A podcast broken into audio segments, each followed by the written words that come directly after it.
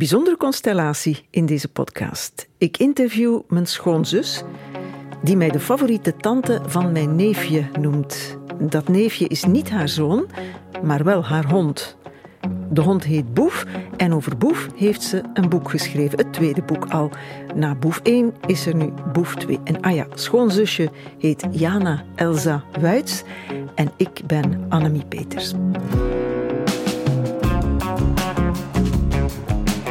Voorproevers.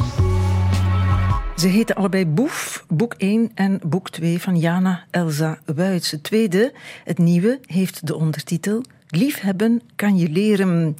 Dat klinkt veel optimistischer dan die eerste ondertitel, want die was hoe ik een wilde Spaanse berghond in huis nam. En elk woord staat daar op zijn plaats. Wild, Spaans, berg en dan in huis. En dat huis stond niet in Spanje. Oh help. Vertel eens, Jana Wuits, waarom ook weer? Ja, we zijn Boef um, in Spanje uh, hebben we hem tegen het lijf gelopen. En um, hij was een, een, wilde hond die dat daar uh, een jaar in zijn eentje had geleefd met andere honden. En um, ja, wij konden hem, we hadden ons hart aan hem verloren na een, eh, aantal weken toen als wij hem daar gezien hadden. Hoewel hij totaal het dorp op stel te zetten, alles bij hem blafte en op alles joeg.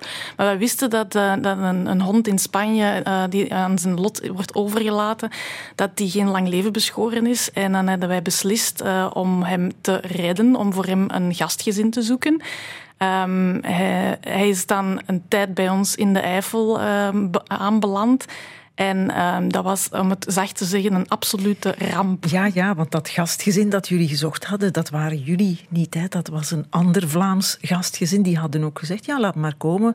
Dat hondje, we kunnen er wel een hondje bij. Die hadden al honden. De, de hond kwam even bij jullie terecht, daar in de oostkantons waar jullie wonen. En toen brak corona uit en kwam de lockdown.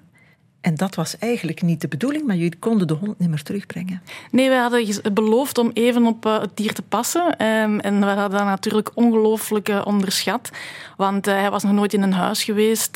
dat was nog een, echt een totaal verwilderde hond. En na twee weken waren wij zodanig radeloos. En we vielen letterlijk echt huilend in slaap. Ja. Dat wij hadden beslist van, ja, dit gaat niet. Wij kunnen er niet meer op passen. En precies op dat ogenblik dat wij Boef zouden gaan wegdoen begon de lockdown. Dus zaten wij met elkaar opgescheept. Mocht je niet meer auto rijden, mocht je nergens meer naartoe en kon je die hond nergens naartoe brengen. We geraakten er niet meer vanaf. Dat heet geen vrije keuze voor een hond, dat heet opgedrongen. Ja. ja. ja. En toen brak de hel los. Ik ga dat illustreren met één fragment uit je dagboek van toen, pal in de lockdown. Dat was in maart 2020. De wandeling daarnet was rampzalig. In het dorp viel het mee, ik was hoopvol. Maar zodra dat we aan de bosrand kwamen, brak de hel los. Piepen, trekken, springen, gillen, blaffen, wurgen. Mijn hart bloedt als ik het zie. Ik sleur hem met alle macht voort, maar dit is een gevecht, geen wandeling. Zodra we het bos uit zijn en opnieuw langs de velden lopen, gaat het weer. Even toch, want hij blijft aan me sleuren. Als we terug in het dorp komen, zie ik een kat. Mijn oog is al getraind. Een tel later heeft Boef ze geroken. Het spel zit weer op de wagen. Dit is onhoudbaar. Ik ben ten einde raad als ik thuis kom. Een wandeling van een uur en ik ben uitgeput. Er zijn momenten dat ik denk: ik maak de halsband los. Ik zie wel wat er gebeurt. Of ik je ooit terugzie. Als dit gevecht maar stopt. Zo erg was het, hè? Het was echt een gevecht, absoluut. ik snap dat woord moordlust dat af en toe bij jou naar boven kwam. Maar dit is het, het jachtinstinct hè, dat die hond van Spanje had meegebracht, zoals die was groot geworden, waarschijnlijk. Hij, rook alles wat er te ruiken viel. Ja, hij was een, een jachthond puur sang, wat wij op dat ogenblik helemaal nog niet wisten, maar wel heel snel zagen als wij met hem buiten kwamen. Maar het was niet alleen buiten dat hij gewoon niet te beheersen was, het was even goed in huis. Hij blafte op alles. Hij was constant nerveus. We kregen hem op geen enkele manier rustig. Als we gingen wandelen, dan hapte hij in elke wilde kattendrol die hij kon vinden. Uh, hij was gewoon constant... Uh, haalde hij het bloed van onder onze nagels. Hij was letterlijk geen huis mee te houden. Nee, en happen in een kattendrol is opeten. Ja, ja en hij werd er dan nog ziek van ook. Dus Ja. dan hadden we een, een zieke hond in huis. Dus. En het ergste van al was, hij zocht ook totaal geen contact met ons. Hij, hij kende geen mensen, hij had in zijn eerste jaar geen mensen eh, leren kennen. Dus dat was, voor hem waren wij vreemde wezens, waar dat hij ook totaal geen touw aan kon vastknopen. Dus wij verstonden elkaar op geen enkele manier. Het was lockdown. Ik kon niet naar jullie op bezoek komen en jullie niet naar mij. Waarschijnlijk was dat maar goed, want het zou niet gewerkt hebben. Hoewel, toen het wel weer kon, toen we elkaar zagen, toen noemde jij mij al gauw zijn favoriete tante. Ja. Hij zal er intussen wel meer hebben, maar ik ben daar trots op. Het wil wel zeggen dat ik het ergste niet heb meegemaakt hè, met die hond. Ja. Want bij mij was hij rustig. Ja, dat was een, een, eh, een geluk bij een ongeluk dat wij in die laboratoriumsituatie van die lockdown Boef bij ons konden hebben, zodat hij eerst aan ons kon winnen, aan een huis kon winnen, aan ons stille leven in, in de kleine Oostkantons, in het kleine dorp in de Oostkantons. Dus dat was eigenlijk hetgeen wat dat, ja, als geroepen kwam om hem aan die mensenwereld te laten winnen op een stille en rustige Ja, manier. corona was een godsgeschenk. Hè. Daar, Gek eindigt, wel. daar eindigt het eerste boek. Ja. Voor het einde van corona. En dus met de vraag, wat met Boef als de wereld weer open gaat? Want op een keer moet je de wereld in met de hond. Is dat een bewuste cliffhanger die je daar hebt ingebouwd? Nee, eigenlijk niet, want we hadden zelf wel het gevoel dat hij na dat eerste jaar samen, we kwamen van zo ver dat, hij, dat, dat, dat het goed ging met Boef. We hadden hem ehm, leren aan een leiband lopen, we hadden hem geleerd dat hij in huis veilig was, dus, dus er was een zekere kalmte eh, teruggekomen en we hadden eigenlijk voor het gemak vergeten dat die situatie waarin dat we leefden tijdens eh, dat, dat coronajaar, dat dat niet de echte wereld was. En het moment waar we zo naar hadden uitgekeken, het einde van die lockdowns, was tegelijkertijd hetgene wat we ontzettend waren gaan vrezen. Namelijk dat we met Boef ook in de echte mensenwereld Ja. zouden moeten terechtkomen. En dat is de sequel. Hè? Dat is Ja. het nieuwe boek met Boef, het echte leven in. Want je kunt niet afgezonderd blijven zitten. Nee. En, en, en de lockdown is ook gedaan, maar je vereenzaamt natuurlijk ook hè, alleen met zo'n hond. De twee boeken, Boef 1 en Boef 2, gaan over eh, honden en over mensen. En over wat een hond met een mens doet, maar ook wat de mens met de hond doet. En laten we eerst dat tweede eh eens uitleggen. Hè. Ontelbare pogingen van de mens om van de wilde hond een handelbare hond te maken. Als je dat niet doet, kun je niet samenleven. Wat mij opvalt in die beschrijvingen is hoe saai dat leven geweest is. Of moet geweest zijn, toch? Om die hond te trainen. Spannend ook als dat lukt, maar saai toch ook. Elke dag hetzelfde stramien. Het gaf ons iets om handen in de lockdown. Dus dat was natuurlijk eh, op, op een bepaalde manier wel goed. Want we waren zodanig met die krankzinnige hond ehm, bezig dat wij onze eenzaamheid eh, vergaten. Dus hij gaf ons een, een missie en een opdracht. En tegelijkertijd, om hem in een soort van handelbare rust te brengen, moesten wij met hem op pad. En we hebben elke dag 12 kilometer afgelegd. Dus dat is goed. Hè. Op, op, op die manier eh, vergaten wij eigenlijk dat er een eh, virus rondwaarde. Dus Ja. op die manier heeft Boef ons toch ook wel gered. Ja, maar zaterdagen, zondagen, feestdagen, dat waren allemaal werkdagen. Absoluut. Ja, Training van boef en wandelen. Voor een boer geldt dat ook. Hè. Die heeft ook geen zon- en voilà. Er zit niks anders op. Het is amusant om te lezen in boek 2 hoe je de hond leert autorijden. Niet hij zelf, maar in de auto zitten, want dat kon hij ook niet. Nee, dat was een van de, van de vele problemen die wij met hem hadden. En dat was een hardnekkig probleem. En omdat wij tijdens uh, dat eerste coronajaar ook niet moesten rondrijden, waren we dat ook wat vergeten. Dan was dat van naar de achtergrond gegaan. Dat hij eigenlijk uh, elke keer als wij nog maar de straat uitreden, moest overgeven. Dus hij had zodanig veel schrik van die auto en hij kende dat ook niet. Dus het fysieke effect was er ook, dat hij elke keer ziek werd. Dus ook dat, dat, nog. Dat was iets waar wij radeloos van werden, daarbovenop. Want hij moest natuurlijk wel met ons mee terug kunnen de wereld in. Want je wilt ook niet dat een hond u opsluit thuis. Je hebt natuurlijk ook geen hond in huis om die altijd alleen thuis te laten. Dus hij moest dat leren. Dus dat was, dat was een zeer zware training. Dat en was... je leert hem dat, heel grappig vond ik het om te lezen, door elke dag in een stilstaande auto voor de deur een ja. tijdje te gaan zitten. Ja, ja, met hele kleine babystapjes. Dus eerst uh, zijn we met hem in de auto gaan zitten, snoepjes uitdelen, dus zonder te rijden, zonder de motor op te zetten, zodat hij kon wennen aan de auto. Dan na een paar weken, we hebben dat dus elke dag een paar weken gedaan, mochten we de motor eens opzetten, zodat hij aan het geluid van de motor kon wennen.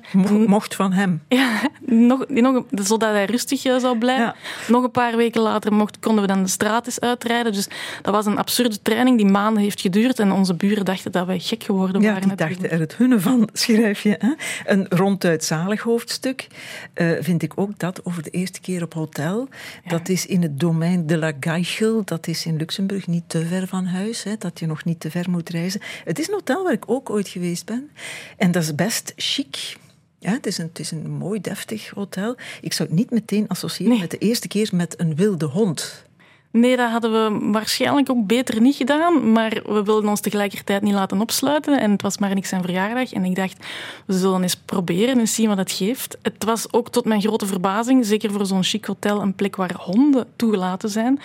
Dus um, ik heb uh, naar het hotel gebeld om te vragen of er zeker geen katten aanwezig zouden zijn. Want Boef heeft daarboven naast al zijn problemen ook een geweldige kattenhaat en begint ongelooflijk te gillen als er uh, een kat in beeld komt. Maar um, ze verzekerden mij daar dat het in orde was, dat Boef welkom was. En dan uh, hebben wij de proef op de som genomen en zijn we met hem naar het hotel getrokken. Ja, en dat is wonderwel gelukt, hè? Ja, weliswaar met weer de nodige boefstreken. Want ja. uh, op het moment dat hij de hotelkamer binnentrad, dan uh, begon hij rondjes te rennen, op, op bed te springen, ijzer naar een vaas om te stoten. Dus het was op zijn boefs, maar uh, al bij al zijn er geen slachtoffers gevallen. Nee, één probleem. Het grootste probleem is zijn naam. Boef, in het Frans is dat buff. Ja. Klinkt dat nogal als rundvlees? Ja, inderdaad. Ik ook naar de grote stad en zo. Ik sta ervan te kijken. Ja. Als je beschrijft, als je dat eerste boek hebt gelezen, hoe de dingen lukken. Ook in de grote stad met zo'n wilde hond. Je zou denken, zoveel prikkels, dat overleeft hij nooit, maar net wel. Hè? Ja, het fascinerende was dat hij is opgegroeid met andere honden. Dus hij, hij heeft ook heel graag andere honden. En in de stad zijn er natuurlijk zoveel honden dat hij nog nooit uh, in zijn leven had samengezien.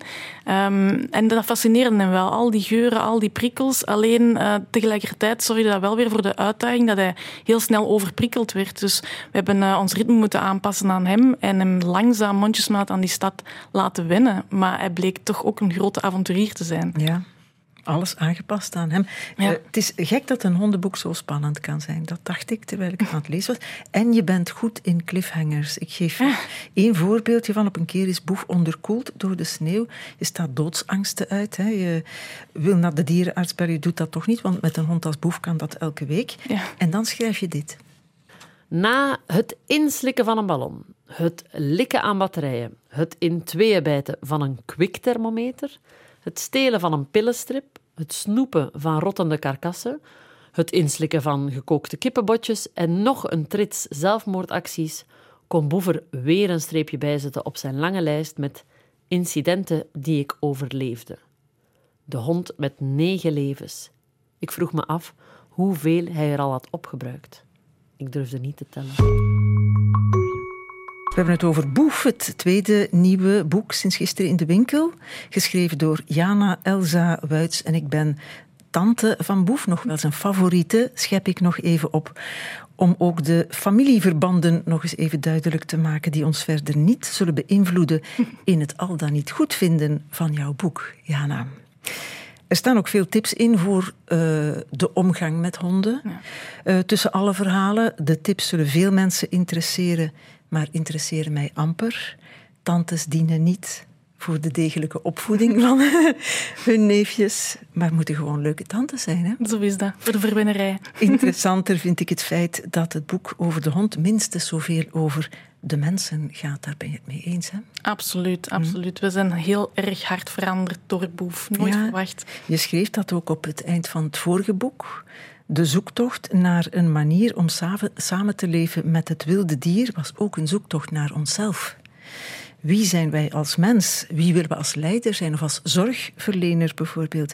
En hoe zijn wij zelf veranderd? Ja, Jana. Kunnen we de uren van de avondprogrammatie krijgen? nee, want er is voetbal. er is sportzaal op de radio. Ik kan een boek, zelf een boek schrijven over hoe ik mijn broer heb zien veranderen. Ja, straf Het is, het is ongelooflijk hoe dat zo'n dier onder uw vel kan kruipen en hoe graag dat je dat kunt beginnen zien. Als ze mij dat hadden verteld, dat ik twee boeken over een hond zou schrijven, ik had mezelf gek verklaard uh, vroeger. Ik had het nooit geloofd, maar dat is, uh, het is heel straf en op een goede manier. Hè. Het is, het is, um, hij heeft mij veel meer uit mijn hoofd gehaald, veel emotioneler gemaakt. Hij heeft Marnix, die een heel emotionele mens is, veel kalmer gemaakt. Hij heeft van ons beiden echte buitenmensen gemaakt, door ons zoveel mee de natuur in te nemen. Dus we zijn onszelf heel vaak tegen tegengekomen, maar de makkelijkste weg is ook zelden de meest interessante. Ja, maar laten we eens op die titel focussen hè, de, van jouw tweede boek. Liefhebben kun je leren. Wie is daar de je in die liefhebben? Jullie of de hond? Ja, in de eerste instantie zouden denken dat zo de wilde hond moest alles leren en ook het leren liefhebben. Maar wij moesten ook dat wild schepsel leren liefhebben. Ja, dus dat kwam langs twee kanten. Wild schepsel, maar zelfs de hond. Hè, want maar niks, mijn broer was geen hondenliefhebber. Bij mij weten toch niet. Zelfs geen kinderliefhebber. Hij vond beide hinderlijk. Wij zagen graag dieren en kinderen, maar niet per se om ze zelf te hebben. Uh, wij leven ook een nomadisch leven, we reizen heel veel rond. Um, dus wij hadden ook gedacht dat zo'n dier er niet zou inpassen. Um, dus het was eigenlijk een grote verrassing. Ja, hinderlijk. Uh, ik hoor maar niks nog zeggen in de weg staan voor zijn felbevochten vrijheid. Vrijheid, ja, vrijheid, allerbelangrijkste. ja, je kan het met mij mee. En jij was ook een beetje zo, of helemaal zo. Ja, absoluut. Dat, leven dat wij hadden, door uh, overal te kunnen gaan en staan waar wij wilden. Uh, graag op hotel te gaan, op restaurant te gaan, zonder daarbij te moeten checken of dat er honden uh, toegelaten zijn of dat er katten aanwezig zijn, dat soort dingen. Ik had het mezelf nooit zien doen. Mm -hmm. Over jouw vriendin Sandy schrijf je ja. in het boek. Hè? Dat is Sandy Tura, ja, maar die heet niet echt Tura natuurlijk. Ja, nee. enfin, jouw vriendin die had vroeger een hond, hè, toen jij nog lang geen hond had. En op een dag belde ze om te vertellen dat haar hond dood was.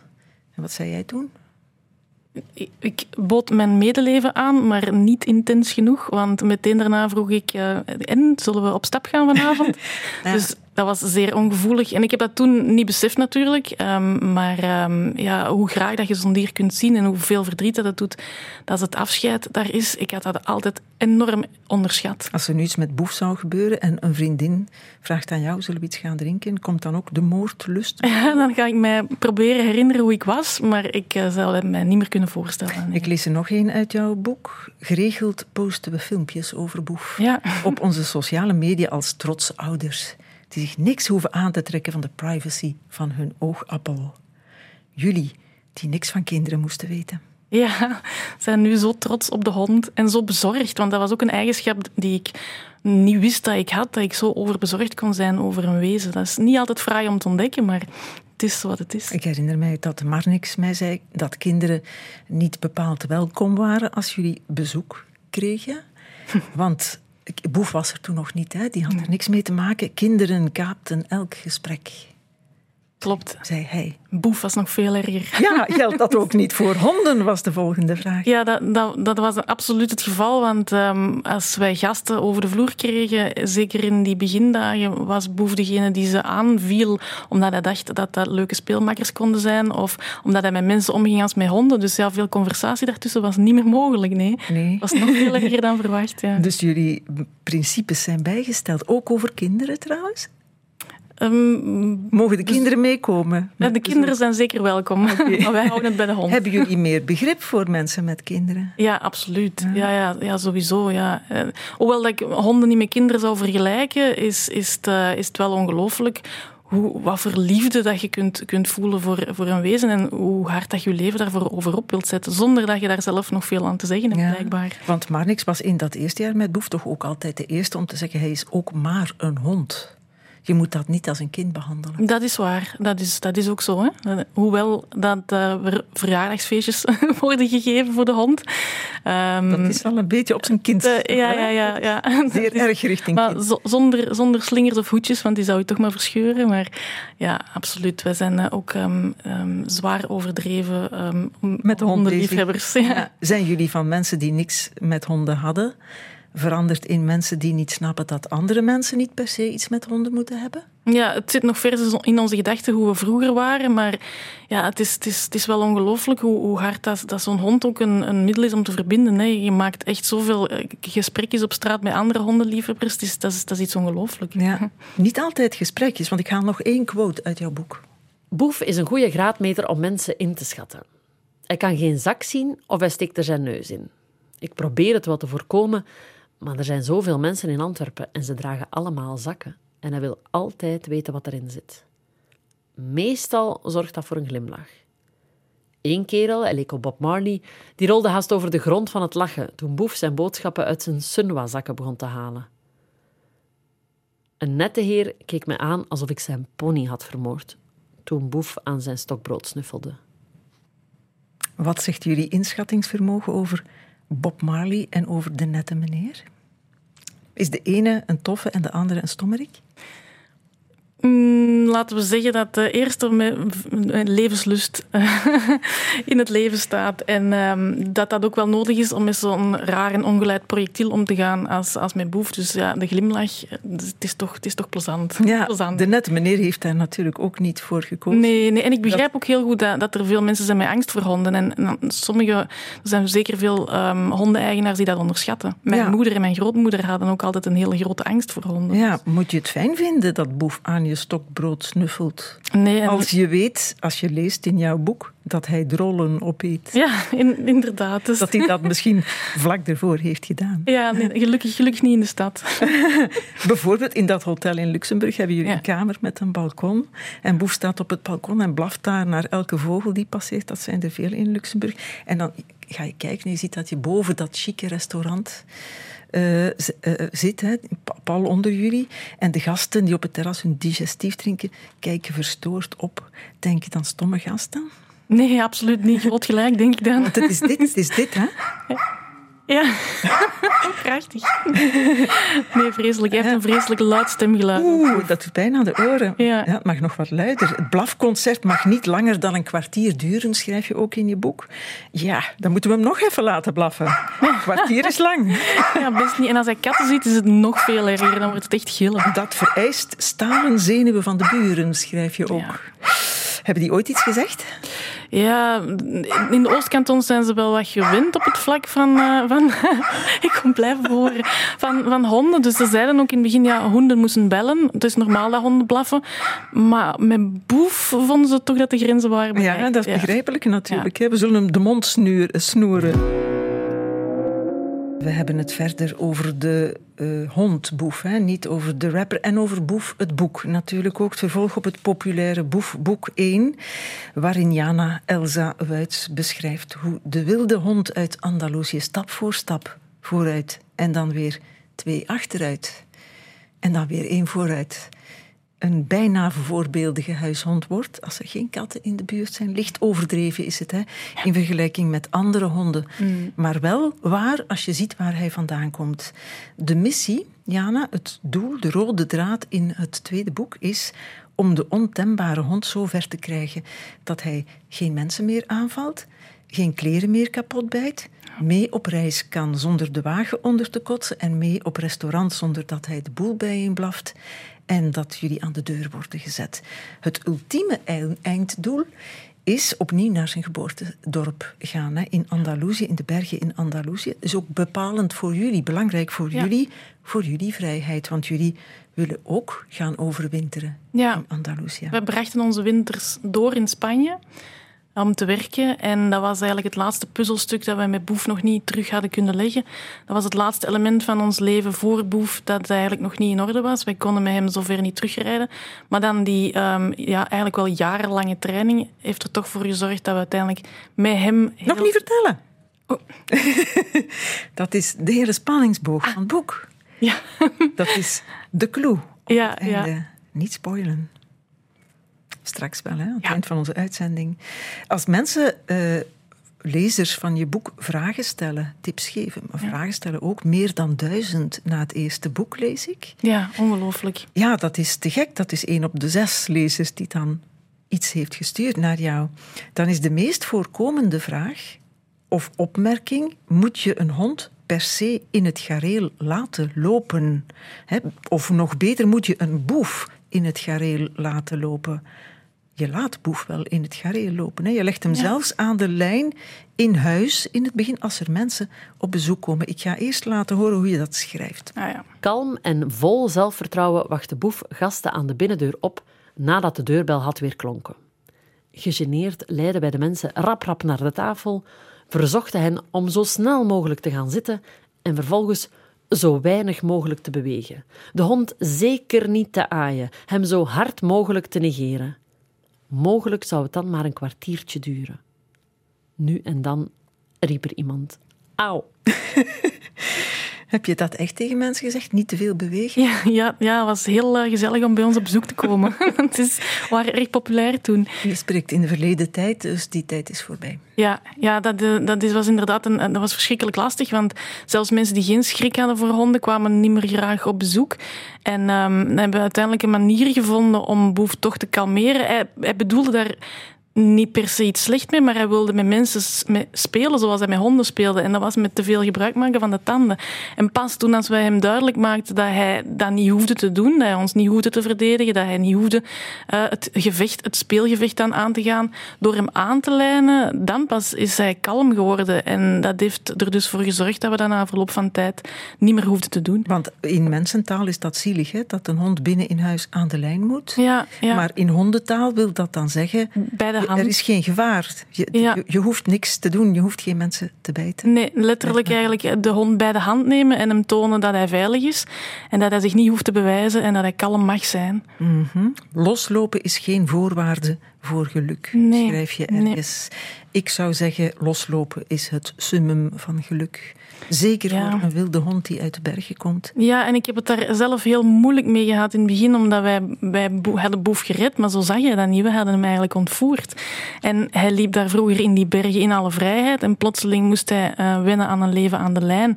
Dus ik heb daar zelf wel naar gestreefd in de hoop dat hij misschien ooit zou kunnen loslopen, want dat is toch ook wat je verwacht, dat een hond naast je braaf kan loslopen, maar bij Boef is dat gewoon onmogelijk. Ook niet buiten, nooit buiten. Nee, nee, buiten. nee, al enkel in de tuin en dan een veilig omheinde tuin van anderhalve meter hoog. Anders springt hij er ook gewoon over. Het heeft een enorme jachtdrift en hij gaat direct eh, in zijn eentje op pad en, en zoeken naar, eh, naar prooien. Dus Maar je maakt je sterk dat hij daar niet ongelukkig van wordt. Nee, gek genoeg. Ik heb daar heel veel onderzoek naar gedaan, want ik vond dat natuurlijk voor hem heel erg, heel erg eh, jammer dat dat niet ging. Maar ehm, ik heb van verschillende experten ook begrepen dat als een hond genoeg tijd krijgt om te snuffelen en voldoende mentaal wordt uitgedaagd en, en genoeg beweging krijgt, dat hij perfect gelukkig kan zijn aan, aan de leiband. En de andere dieren zijn dan ook veel veiliger. Vroeger liepen honden wel los Ja. in de dorpen. Hè? Ja. Ik neem aan in jullie dorp in de Oostkantons ook. Ja, dat Alle zijn, andere honden behalve boef. Dat zijn dan de brave boerderijhonden die hun boerderij niet verlaten en, en de waakhonden die netjes weten waar dat hun territorium stopt. Maar Boef is, een, is anders betraat. Het is een jachthond die Ja. dat eigenlijk het liefst dan al zelf op pad zou gaan om, ehm, om de dieren te vangen. Dus dat gaat met hem onmogelijk. Kijken ze niet meewarig naar jullie hond in het dorp? Die zeker weten dat wij met, eh, met een hond met twee leibanden en een trekker aanlopen. Dat is iets wat ze niet kennen. Maar, ehm, Dus je moet dat altijd verdedigen ook. Ja, ja, en uitleggen. En ja, sowieso vinden veel mensen dat wij heel veel te veel tijd ook met onze hond doorbrengen. Dus ja, we hebben een speciale band, zullen we Het, zeggen. het gaat over meer dan aan de lijn lopen ook. Hè? Het Ja. gaat over, ehm, als mensen daar opmerkingen over maken, vrijheid die je afpakt of die je lijkt af te pakken vanuit mensenstandpunt. Ja. Jullie worstelen daar effectief ook mee. Een quote uit jouw eerste boek. Marnix en ik waren blij dat hij gered werd. Maar tegelijk konden we ons niet van de bedenking ontdoen dat Boef ook veel zou moeten opgeven. Ja. We vinden het normaal dat we honden onze wil opleggen, maar we overschatten misschien wel wat we de dieren te bieden hebben. Ja, Zou je dat nog zo zeggen? ik ben daar anders tegen beginnen aankijken door, ehm, door, door Boef beter te leren kennen en door te zien wat dat wij hem brengen. Ehm, die rust en, en, en dat geluk en die veiligheid, dat is, dat is op zich dat is het allerbelangrijkste. Wij lopen ook aan de andere kant van de lijn. Voor ons mensen is dat ook niet plezant. En mensen mogen ook niet zomaar gaan en staan waar dat ze willen. We hebben een samenleving met regels en die regels gelden net zo goed voor honden. Mhm. Straks zeg je nog dat het niet plezant is om een hond te hebben, om aan die andere kant van de lijn te lopen. Ja, dat heeft zijn nadelen, helaas. Uh, ook, ook, wel. Nee, het is, ja, ja, het is, het is een tweesnijdend zwaard, zowel voor de hond als voor de mens. Maar we moeten ook, ook niet alleen aan onszelf denken. En, en ja, veel honden hebben een jachtinstinct. En in de Oostkantons is er ontzettend veel wild. Dus als Boef zijn gangen zouden mogen gaan, daar zouden de veel herten en reeën en allerlei andere dieren en vogels onder lijden. Dus jouw vrijheid stopt daar. Onderlijden is doodgebeten worden. Minstens. Als hij, als hij ze te pakken zou krijgen, hij heeft een jaar alleen moeten jagen, dus hij weet hoe het moet. We moeten naar het eind van het boek, hè? Het einddoel van de missie terug naar de thuis van Boef, daar waar hij geboren was in Andalusië.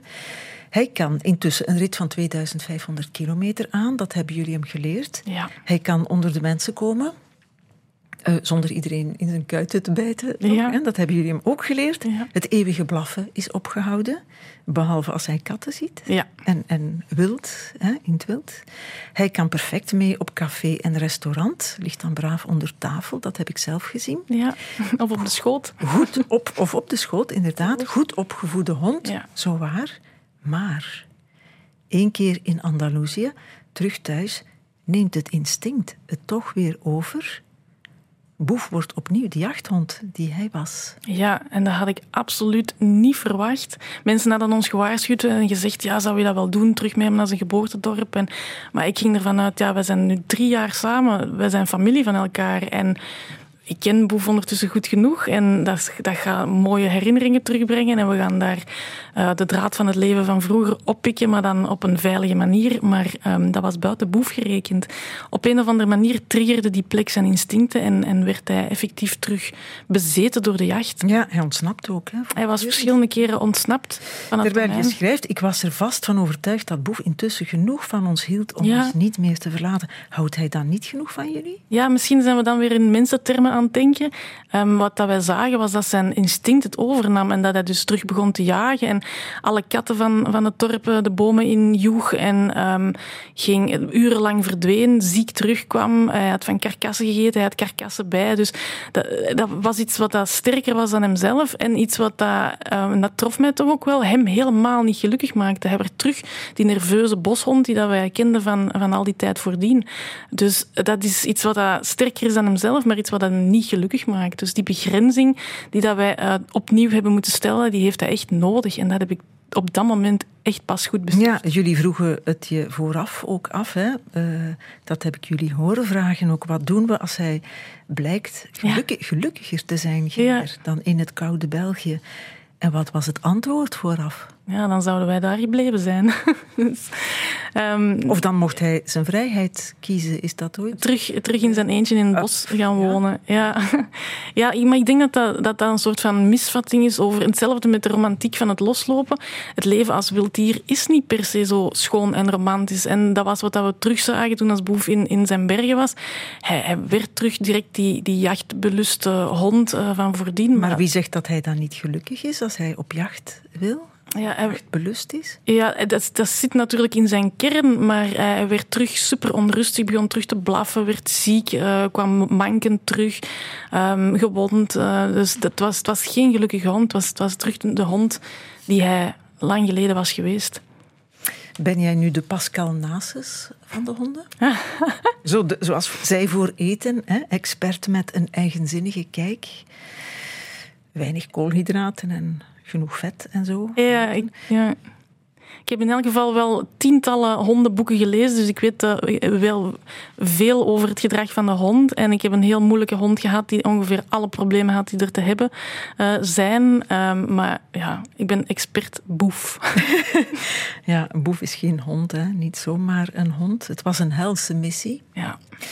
Maar ook een groot avontuur. Hè? Als ik uh, streepjes zou trekken bij woorden die herhaaldelijk terugkomen in jouw boek, ja. zouden de uitdrukkingen op pad gaan en verkennen de meeste streepjes. Kijk, ah, ja. doet me denken aan Jommeke. Nee, aan Filiberke en Pekkie. Ja.